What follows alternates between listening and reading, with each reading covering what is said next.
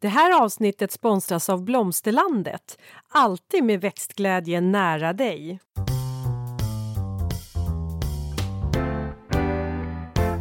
Välkommen till Ulrika och Lindas trädgårdspodd. Det är jag som är Linda Kylén, trädgårdsmästare. Och det är jag som är Ulrika Levin, eh, trädgårdsdesigner. Och idag, kära lyssnare, då handlar det om klättrande, slingrande och hängande växter. Minsann. Det här är också ett ämne som vi har en del lyssnare som har hört av sig om och sagt att kan ni ha ett sånt här ämne? Och då har vi det. Jo men så är det. Och vi ska inte bara prata växtförslag, för det gör vi ju alltid. Utan vi ska också eh, tipsa om växtstöd. Hur man kan så att säga hantera växterna som ska ta vägen antingen uppåt eller längs med marken. Mot sidorna. Eller hängande. Jaha. Så det gör vi. Men du, Ja. Vad har du gjort i, i veckan som varit? Eh, du, den här veckan så har jag varit kulturell. Jag har varit på konstutställning på Valdemarsudden. Aha. Och där har vi tittat på en ja, men jättevacker utställning om eh, eh, åländsk eh, koloni, eh, konstnärskoloni var det. Jag tog med min pappa dit och så gick vi på konstutställning. Eh, jag vet inte, det händer någonting i mig när jag kliver in på konstutställningar. Eh, jag blir framförallt väldigt inspirerad och vill själv börja att måla. Och så tittar jag i min kalender och inser att fasiken, det finns inte så mycket tid för Linda att ta fram sina penslar och sätta igång. Men inspirerad blir jag. Eh, jag trivs, jag mår bra när jag får gå på konstutställningar. Vad roligt. Jag var faktiskt också med min pappa här i helgen, som var eller i fredags, innan jag var kom till dig. Ja, Eh, vi var på Björn Skifs, eh, som har en show. Mm, som pappa ville gå på. och så still tänkte jag, going strong. Det måste man ju säga att han gör, verkligen. Eh, och sen, ja, sen har det varit jobb. Som vanligt. Ja, jo, men det är det, det, det pågår ju ständigt det Ja. där jobbet. Det är ju som ett jobb. litet brus. Eh, och sen, sen är jag trött i kroppen. Jag går ju gymma varje morgon nu med min 15-åring. Ehm, Va? ja, det, det är väldigt spännande. Vadå, du går iväg och gymmar på morgonen? Ja, så här sjukt tidigt. Och vi Eh. lever så olika liv du och jag Ulrika. Ja, det här är inte eget val heller, men hon ville börja gymma och eh, hon ville ha någon som skulle hänga på. Eh, och hon vill gå och gymma innan skolan, inte efter. Wow, vilken dotter du har. Ja, verkligen. Så, men jag pallar dem iväg. Eh, det här gjorde jag för flera år sedan så var det precis det jag gjorde. Men sen har inte jag varit på gym. Jag har ju utegym hemma numera.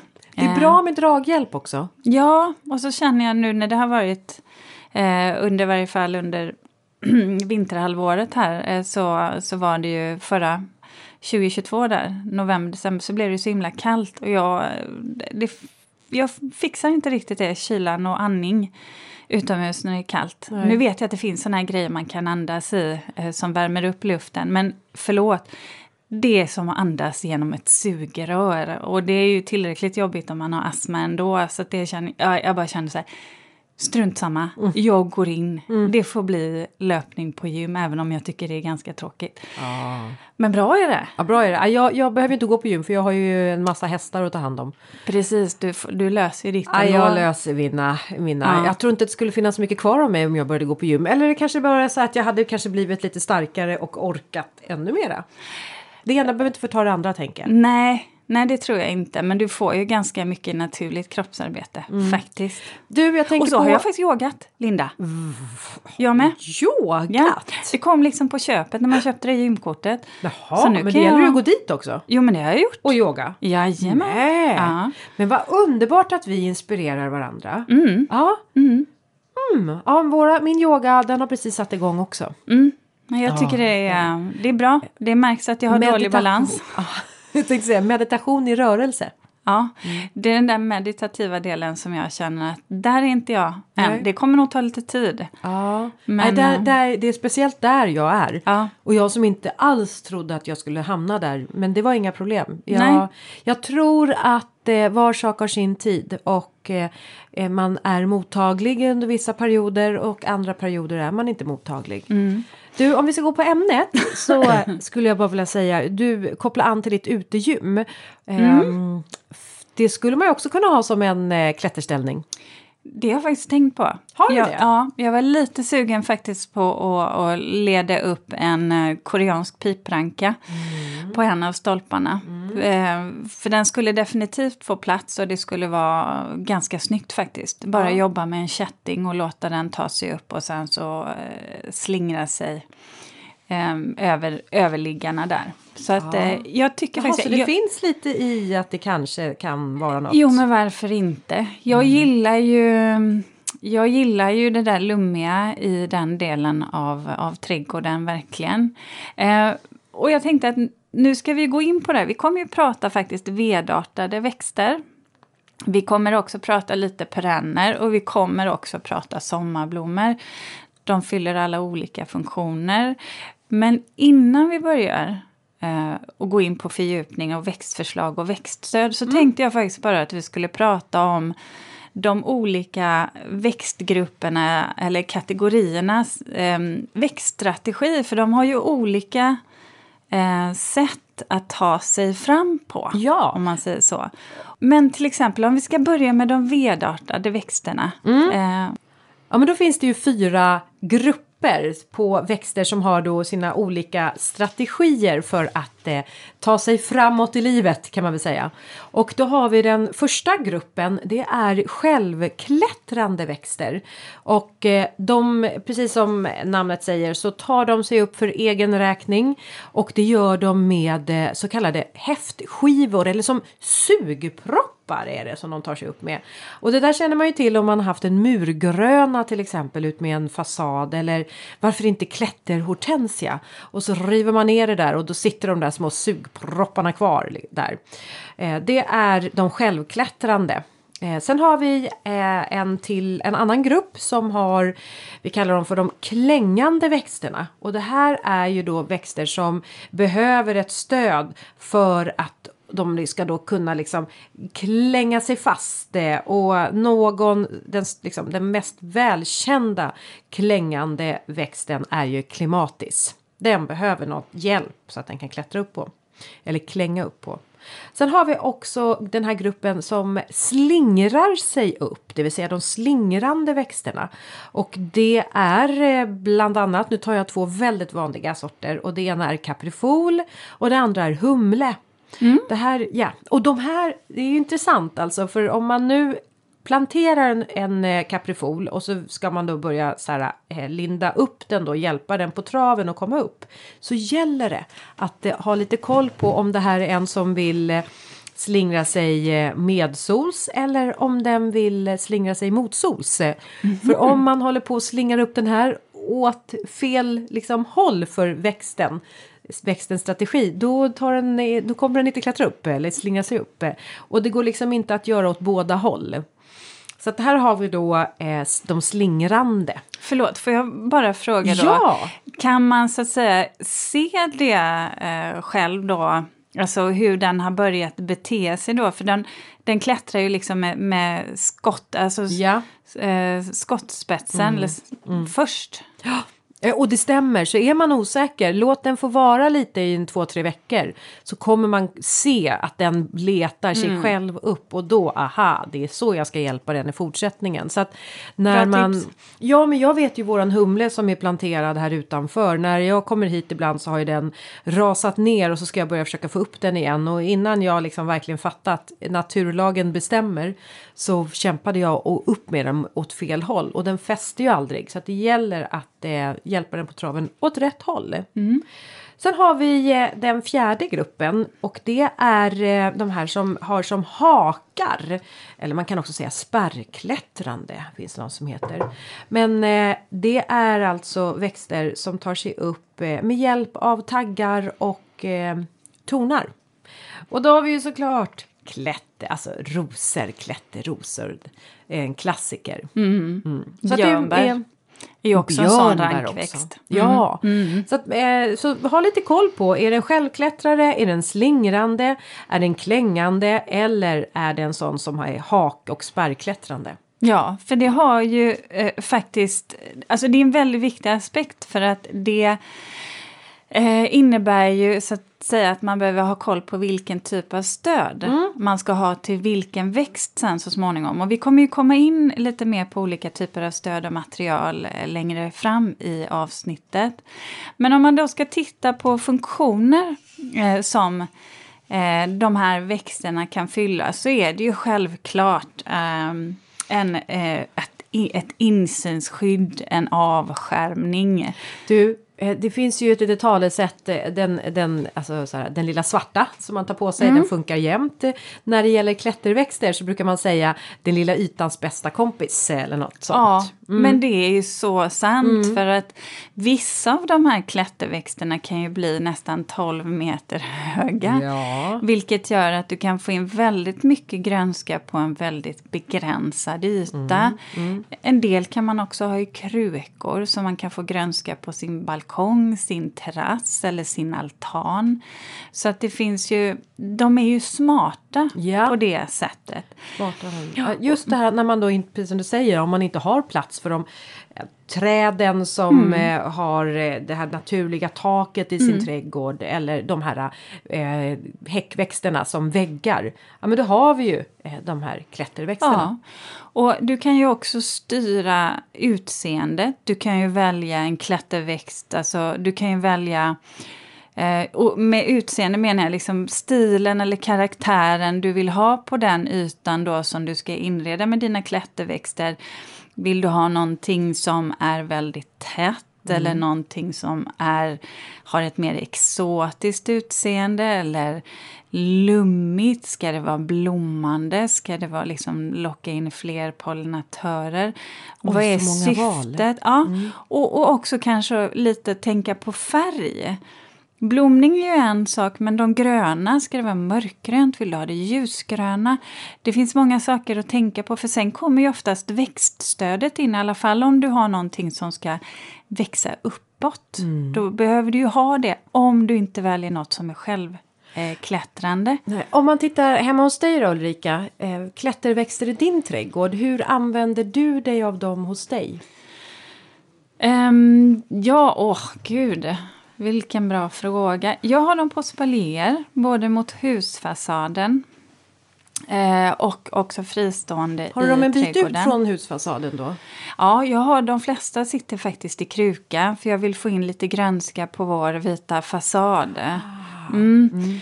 Eh, men då, då tar jag ju klätterväxter som blir kanske 2 till 3 meter max, inte mer än så. Sen håller jag på, sen har jag pipranka också. Um, som, som ska få komma upp där. Jag, jag älskar den klätterväxten. Ja, jag älskar också ja. pipranka. Sen har jag en klätterros på en spalé också. Uh, ute i trädgården, i min köksträdgård. Som får så här vackert ljusrosa mm. rosor. Ja.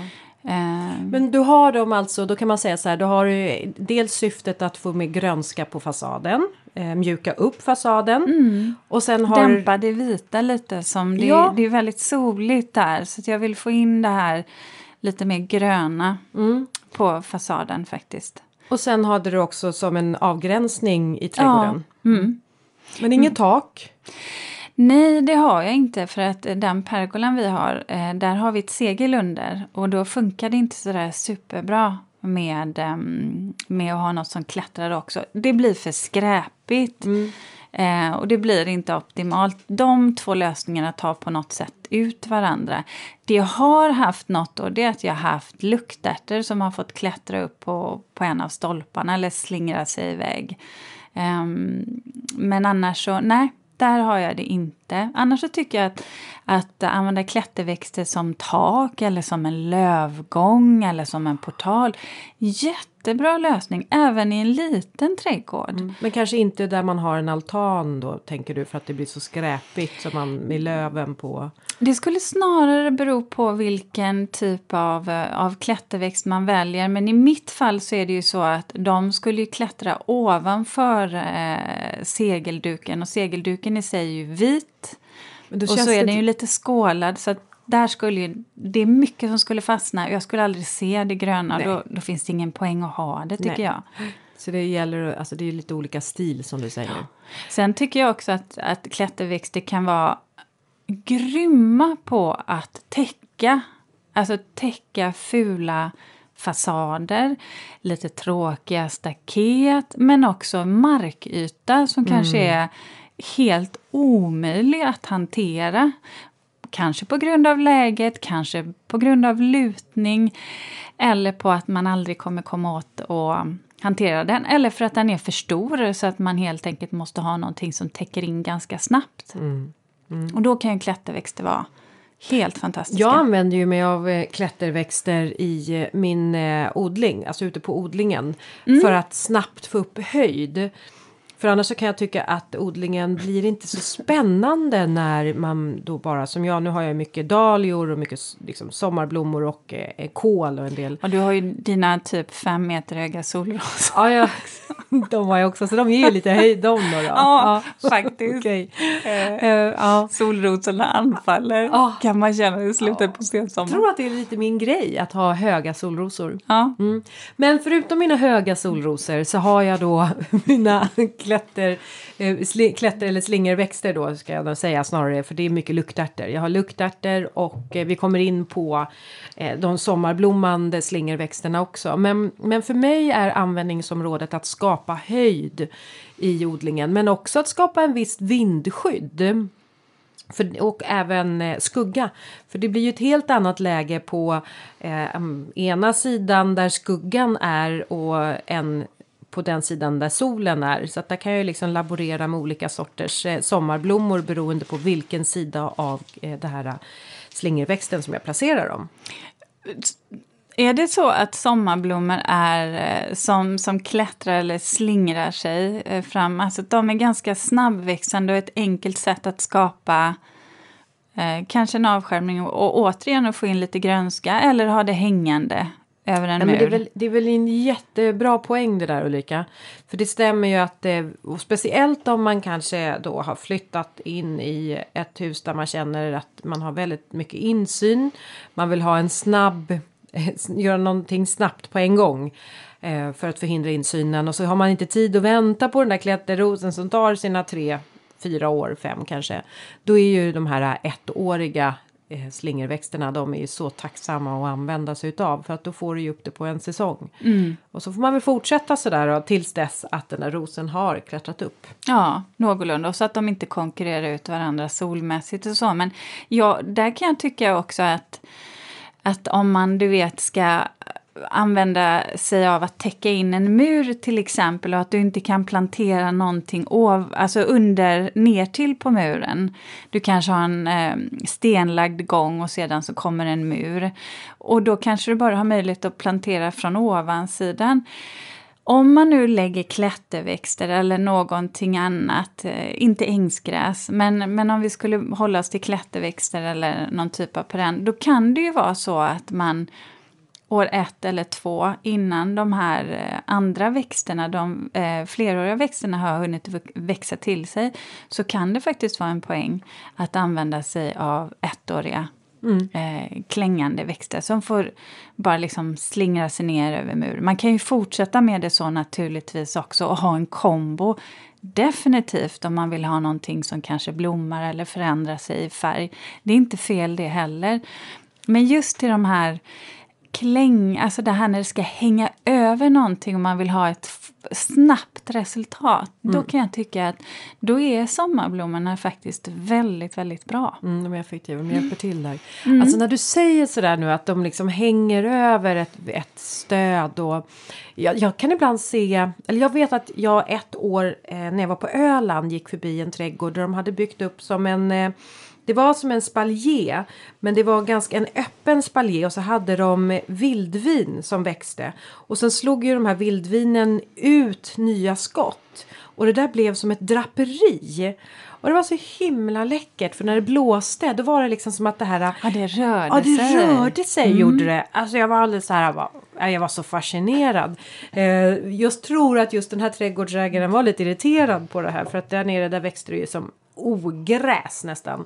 Men för mig, jag var så fascinerad över, för det var ett annat sätt att se på klätterväxter. För annars så kanske klätterväxter brukar annars så här, man trycker eller man liksom placerar dem på en eh, spaljé som är fast.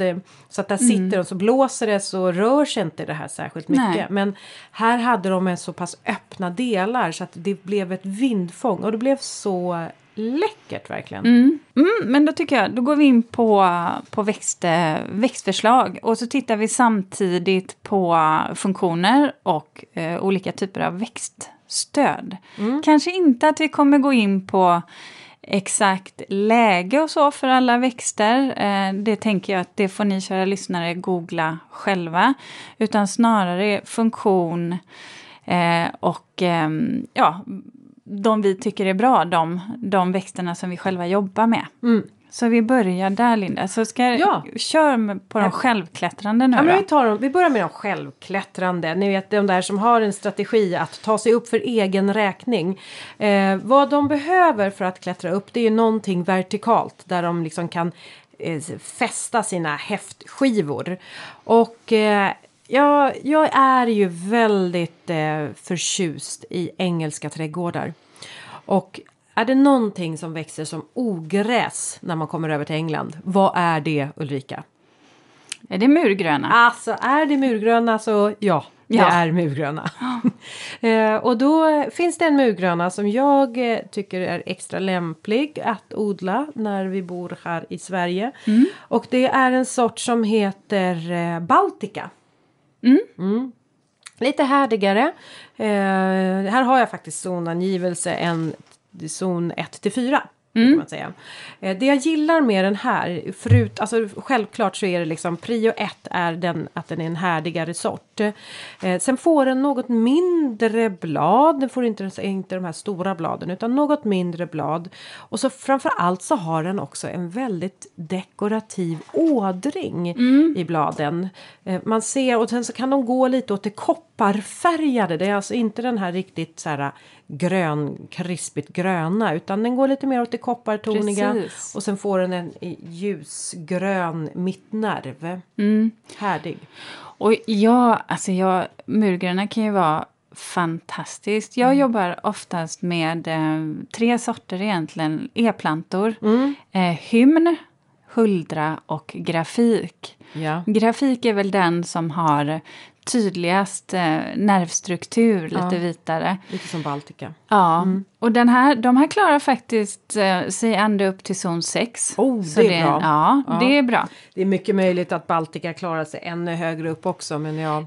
Sen är det ju alltid så här att eh, murgröna är ju trots allt en, en växt som gärna trivs bättre i eh, halvskugga och skugga. Eh, sen vet jag att nere i Skåne där jag hänger på sommaren, där har vi murgröna som, som klättrar på ett staket i ett jädrigt blåsigt läge.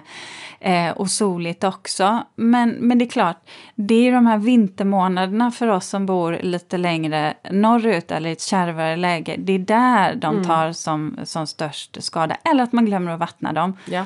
På, på våren sen. Mm. Och hösten. Ja, så, så de tycker jag. Jag brukar ofta använda murgröna som, eh, som marktäckare. Ja. Eh, då tycker jag att de är fantastiska i en slänt, klockren, CC-avstånd, ja, eh, 50 centimeter, det vill säga fyra plantor per kvadratmeter är ganska bra att ha.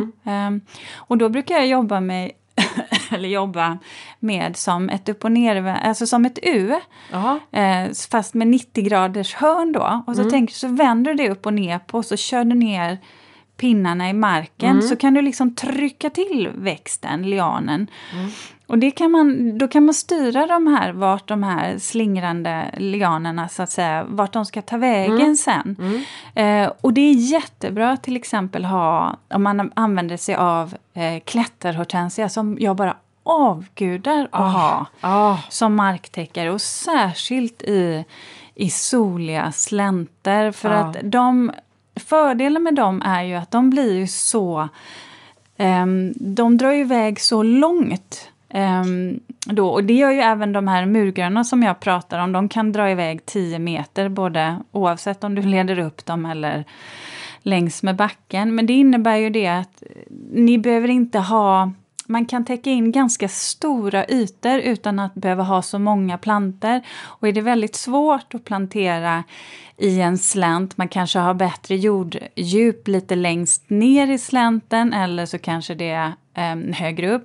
Då kan man ju sätta de klätterväxterna där och så får de så att säga slingra sig åt det hållet som det blir bäst. Ja. Och jobbar man då med U-kramper så att man kan trycka ner de här Mm. så är det jättebra. Och det är ju samma sak med klätterhortensian där. Det som är så fantastiskt då om man jobbar med det i en slänt är att du behöver inte byta ut all jord där utan Nej. du byter ju mer ut Där alltså den jorden lokalt. Ja.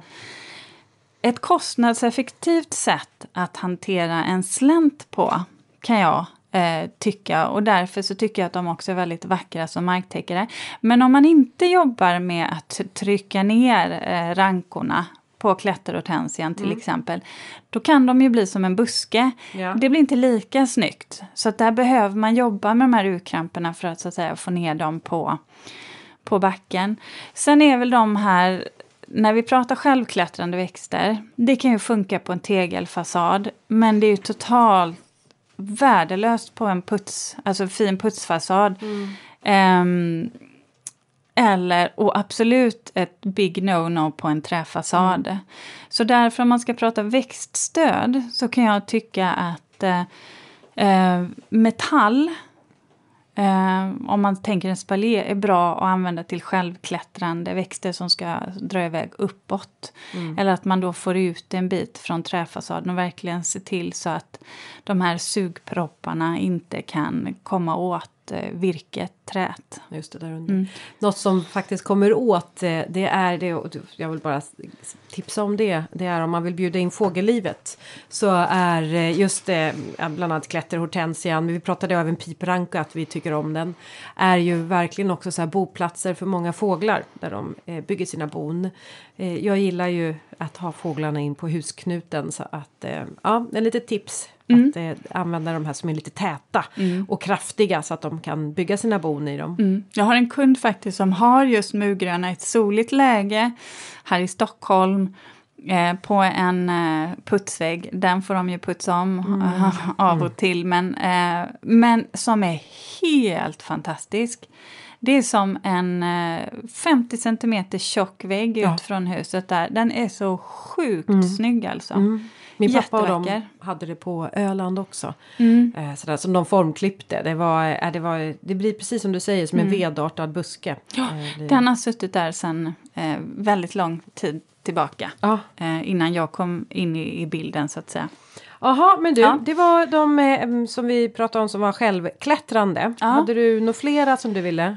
Nej, inte, inte där. Eh, ska vi titta på um, klängande växter då? Mm.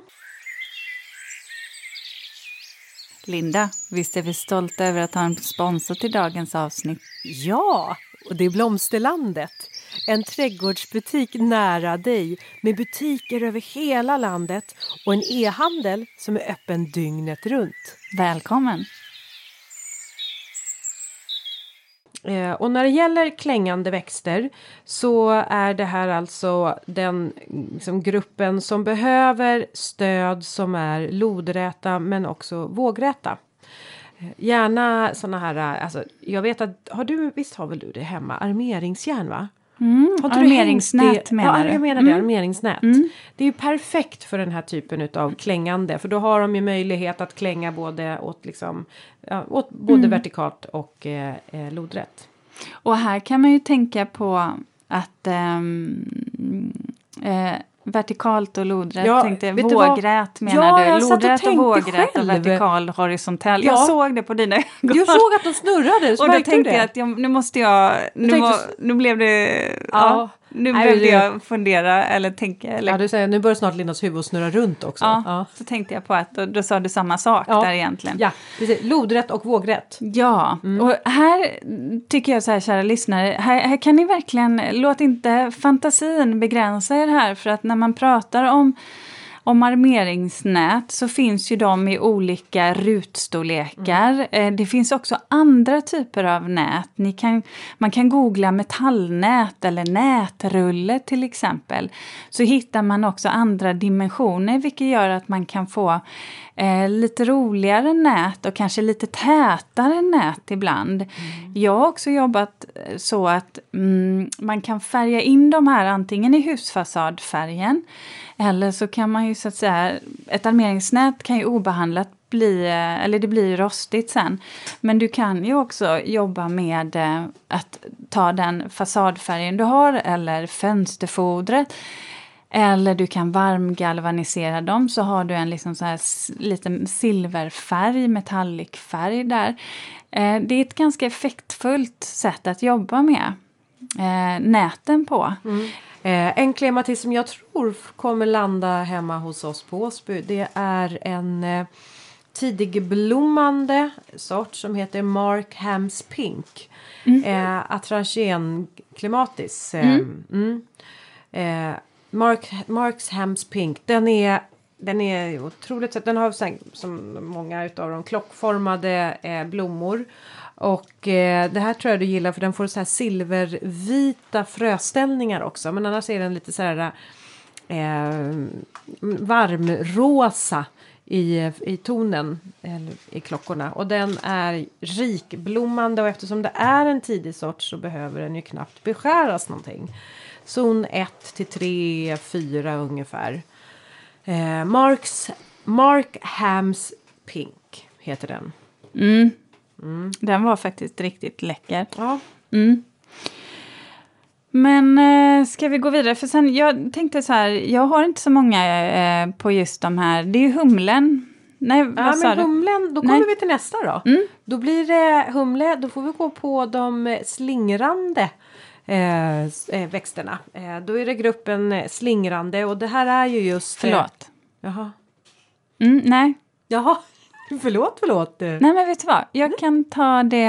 Nej, vet du vad? Nej. Jag, jag vill ta det nu. Oj, nu vill Ulrika ta det här. Ja. Nu får vi nog lyssna på vad Ulrika ja, vill ta. Ja. För någonting, för jag hade... Så här, jag har mm. gjort en liten annan uppdelning. Så tänkte jag att nu, nu följer jag... Aha. Nu följer jag dig. Ja. Eh, och då, eftersom vi pratade ja. om de här klängande eh, växterna så hade jag skrivit in de här två tipsen som eh, de eh, lite högre eh, klättrande eh, växterna. Klängande? Men, ja, och klättrande. Aha, både klättrande inte, och klängande? Inte självklättrande då, utan... Tror du men, lyssnarna nu, blir ni alldeles förvirrande här nu när vi pratar? Ja, ja. Vi säger klängande då. Ja. klängande växterna. Eh, det är ju faktiskt eh, några av våra vin vi har ah. ju vildvinet mm. och vi har ju klättervildvinet. Ah. Faktiskt. De här blir ju riktigt höga. De blir liksom någonstans, de kan bli 8 till 12 meter. Det gör ju att de kan vara ganska effektfulla uh, om man så att säga har en båge eller en pergola där du har ett ganska långt avstånd, alltså kanske mellan uh, överliggarna, mellan ramverket eller om stolparna är höga eller om du har en jättehög fasad mm. eh, som du vill täcka in. Det är nästan så att vi pratar höghus då, Linda. Ja.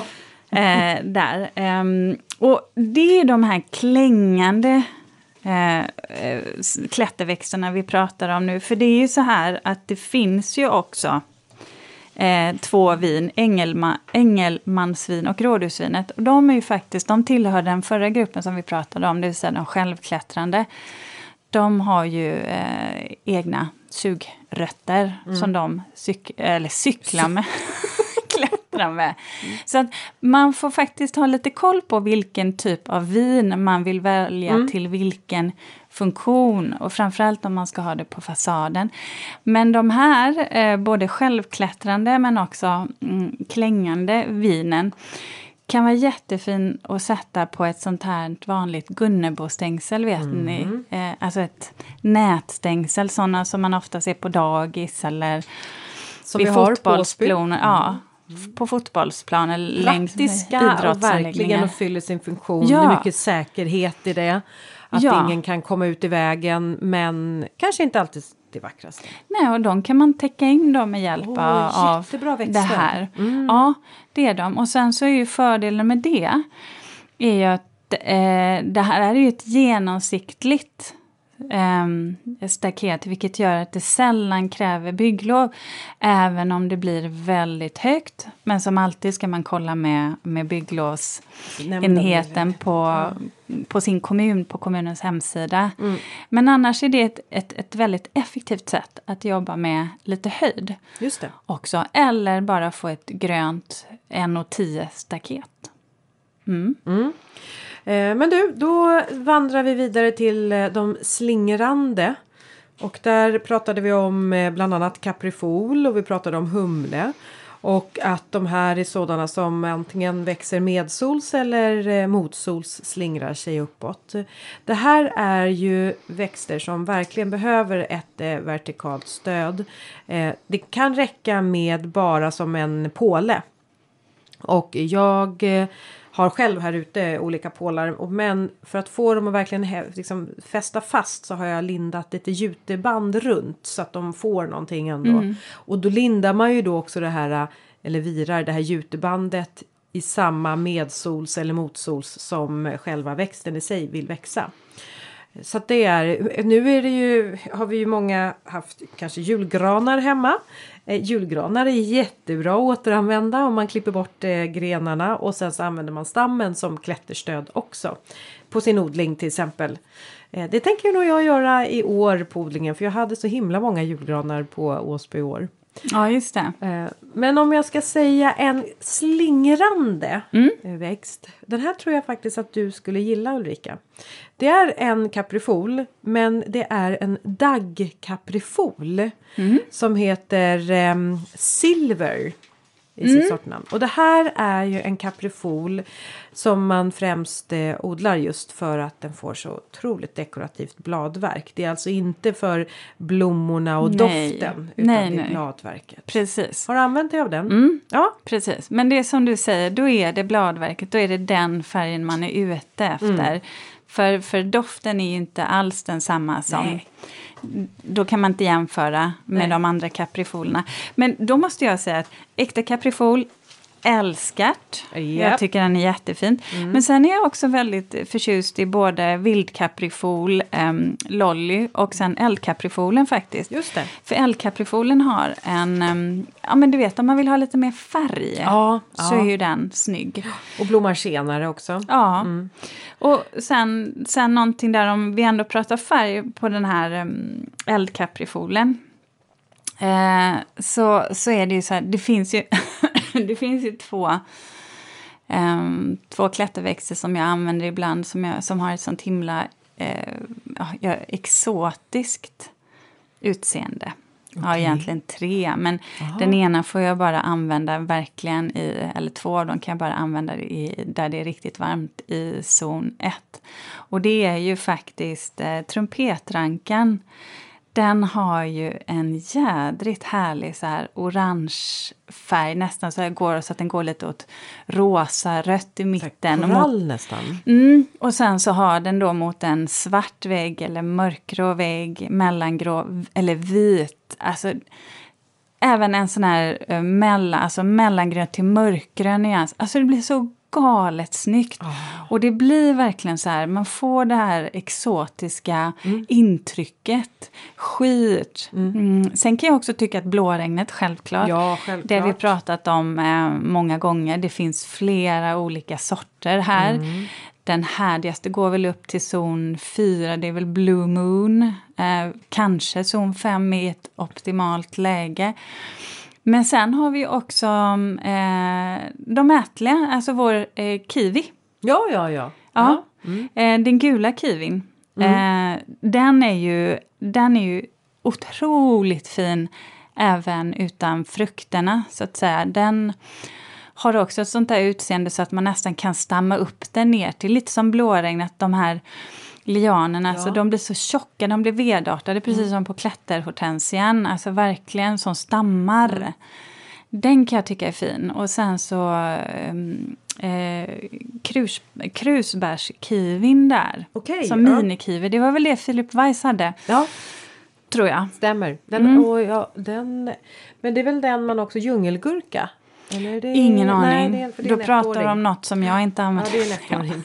Eh, och där försvann jag. Ja, där försvann, där försvann jag min det kunskap. exotiska med ja, djungelgurkan ja, jag vet. också. Jag är bara så att säga, jag är ganska grund just när det gäller eh, i, i kompetens just när det gäller ettåriga ja. växter. Eh, men de, jag ska tipsa om en annan ettåring så en som jag blev förtjust i de sista två åren som vi bodde i vårt förra hus som jag också hade inne i växthuset. Det var svartöga.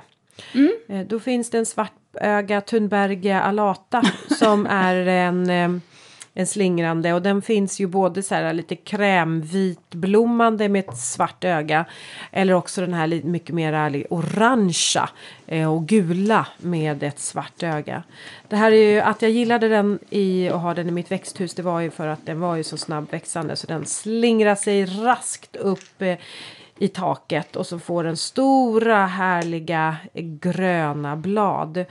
Eh, och eh, den trivdes väldigt bra i växthuset för det var lite halvskugga. Står den här i direkt sol så kan ju bladen brännas. Men eh, i det här fallet i växthuset så var det otroligt dekorativt. Eh, Mm. Svartögen. Mm. Eh, skräpade lite men mm, så.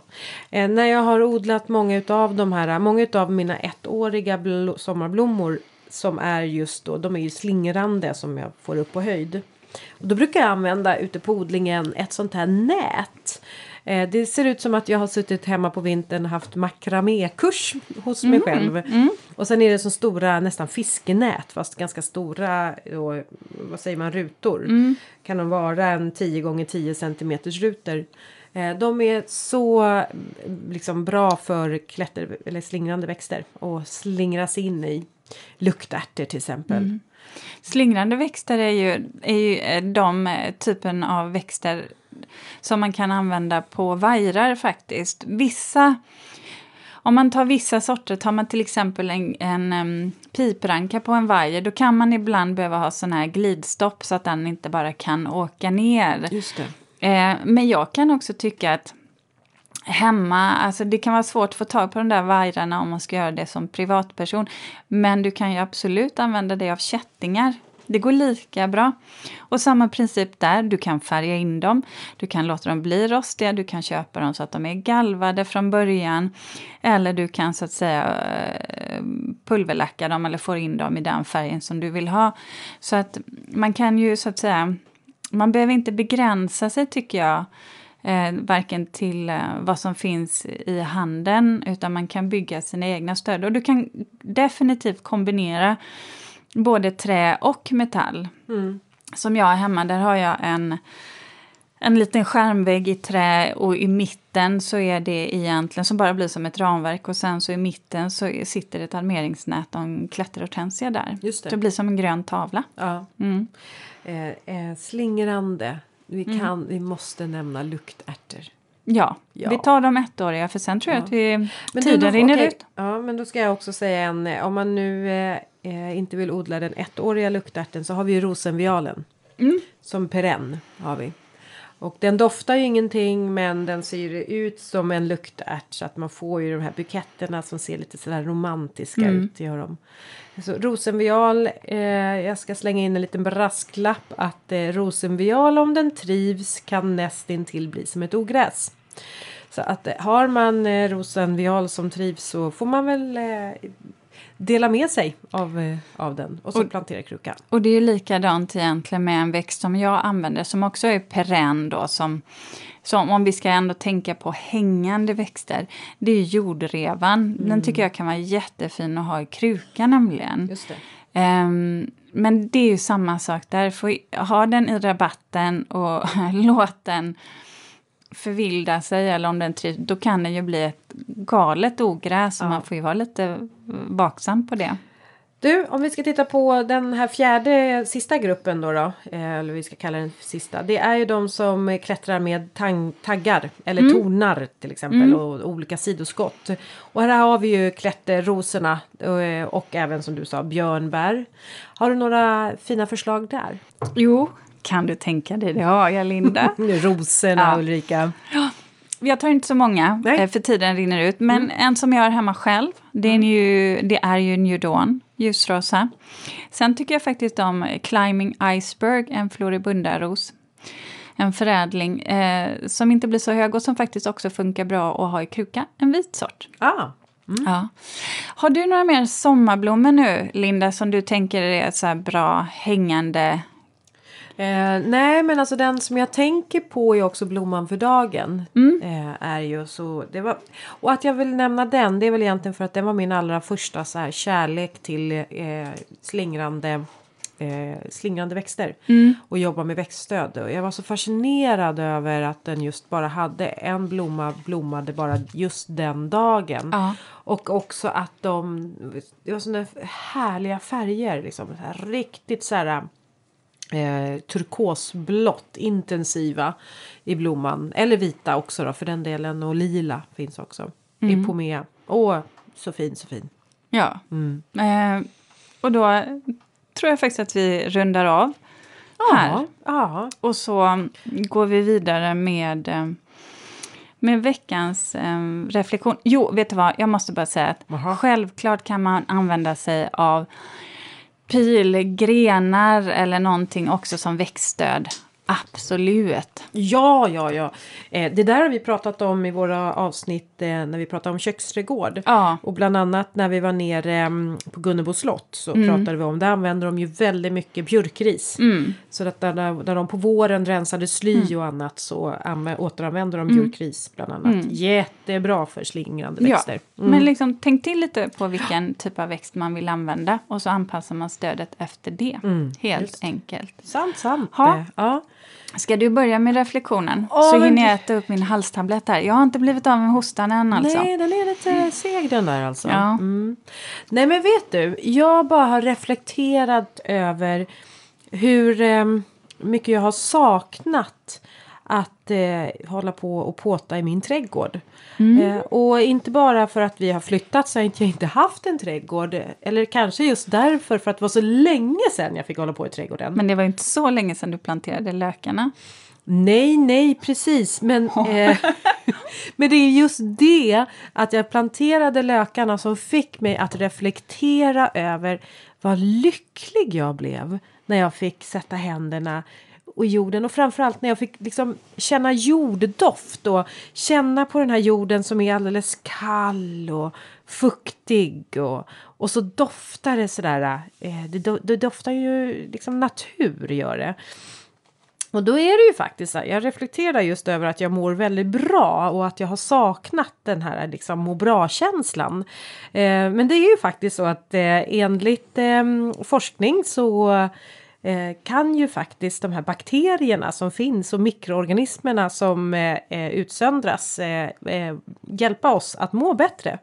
Eh, Det är väl tydligen eh, olika substanser här i va? Eh, Det är kemi vet du. Ja, kemi Linda. Det är kemi. Det är som träden och deras fytonsider. Mm. Ja, precis. Och här Mm. är cytokiner heter det. Eller cytokiner. Heter det, eh, säger man K eller cy- cytokiner? Eh, cytokinstorm heter det ju. Mm, Det är det som eh, eh, många som fick covid drabbades av. Just tyvärr. det. Mm. Eh, och det är de det är alltså substanser som finns i de cellerna som hjälper till att skapa ämnet serotonin. Som är så Mm. viktigt. Eh, eh, och, mm, och då reflekterar jag över att eh, wow, nu nu när vi har kommit in här i januari, februari och man får börja sätta händerna i jorden, känna jordsdoften. Jag tror att eh, vi blir så mycket lyckligare då och inte deppiga. Åh, då, vet du vad? Då, blir det så här, då känner jag lite så stress. Jag sa ju det att jag, har ju, jag är så nöjd att jag har beställt alla mina Ja. fröer. Och, och då inser jag igen också att ja, just det. Nu ska vi se om det är något som ska förodlas. Jag har faktiskt beställt det mesta som du vet fröer som man kan direkt så. Men Ja.